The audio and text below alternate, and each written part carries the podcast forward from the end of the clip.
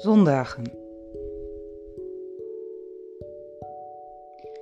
In mijn herinnering stormde het altijd en waren luchten grijs en liet een hemelwater door dat chloorloos was en goor en veel te weinig bovendien.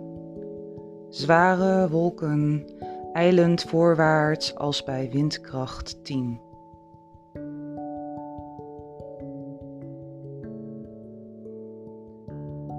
Ik plakte aan het raam, tellend elke drup, de roesjes op mijn jurk en elke flikkering die heel de hemel lichten deed.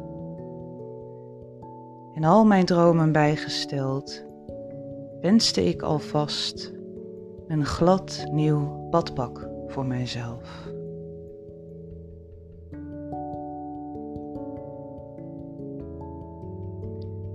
Er was een paradijs binnen handbereik en vreselijk dichtbij op dagen waarop mocht wat kon, de zon mijn lichaam beet en ook de mus niet sparen zou.